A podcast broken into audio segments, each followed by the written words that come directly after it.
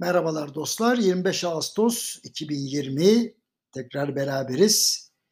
Bugünkü yazım şöyle. Yeni hafta yeni heyecanlar mı demek? Biliyorsunuz haftaya dün başladık ama ben bu doğalgaz müjdesiyle alakalı bir paylaşım yapmak istedim haftanın başında.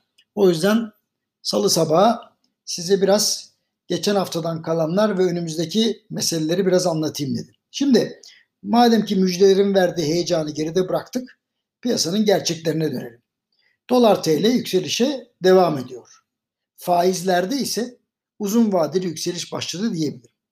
Hatırlarsanız geçen hafta dilim döndüğü kadar beni arayan televizyon kanallarına Merkez Bankası'nın faizleri radikal şekilde yükseltmesinin imkansız olduğunu, böyle yaparsa rekabetçi kur söyleminin havada kalacağını, çünkü ekonomi yönetiminin kur seviyesinden rahatsız olduğuna dair bir intiba yaratacağının altını çizdim.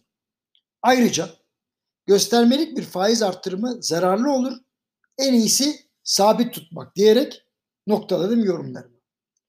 Para politikası kurulu kararının hemen ardından gelen döviz tevdiat hesaplarında zorunlu karşılıkların yükseltilmesi kararı dikkatimi çekti. Düzenleyici otorite yani Merkez Bankası uzun bir zamandan beri bankalara DTH yani döviz mevduatı kabul etmemeleri için maliyetlerini yükselten kararlar alıyormuş gibi gözükse de sanıyorum bu durumun önünde geçemeyince bari brüt rezervleri güçlendirelim diyerek bu hamleyi yapıyor. Yani ne demek? Hatırlayın döviz ve altın alımlarından yüzde bir vergi alınması gibi önleyemiyorsan bari faydalan yaklaşımı öne çıkmış gözüküyor. Türk lirasına olan güven az olduğu için e, yerli yatırımcının dövize dönüşünü engellemek çok mümkün değil. O zaman ırmak akarken bari bardağımı doldurayım dedi Merkez Bankası. Çok net olarak söyleyeyim. Dolar TL'de 7.50 seviyesinin korkulması gereken bir seviye olmadığını, bu sebeple bu seviyeye gelmemiz için kamu tarafından döviz satışı yapılmaması gerektiğine inanıyorum.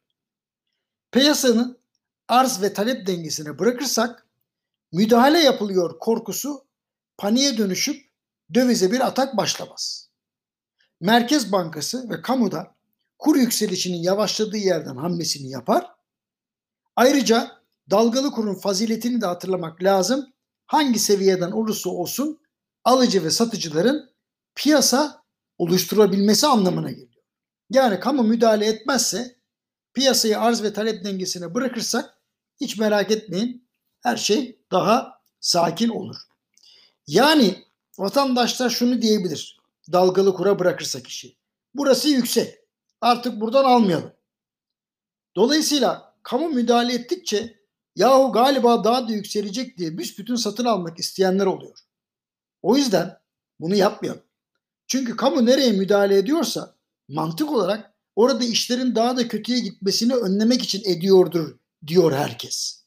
Kamunun korumacı refleksini doğru şekilde kullanmanın hepimizin yararına olacağına inanıyorum. Sevgiler, saygılar, yarın buluşmak üzere.